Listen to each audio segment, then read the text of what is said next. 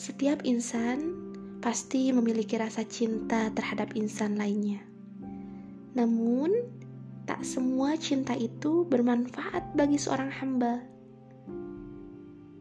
Cinta yang bermanfaat terhadap insan lain hanyalah cinta yang didasarkan karena Allah Subhanahu wa taala.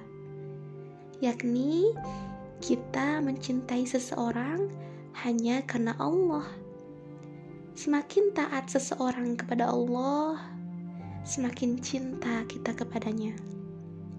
Begitupun sebaliknya, semakin bermaksiat ia kepada Allah, maka semakin hilang rasa cinta yang ada di dalam diri kita. Cinta semacam inilah yang dapat menyelamatkan seseorang di hari kiamat. Rasulullah Shallallahu Alaihi Wasallam bersabda, ada tujuh golongan orang yang akan Allah naungi dengan naungannya di hari tidak ada naungan selain naungannya.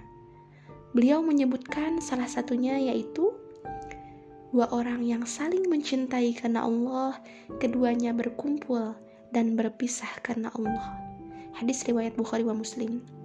Salinglah mencintai karena Allah, sungguh inilah sebenar-benarnya cinta.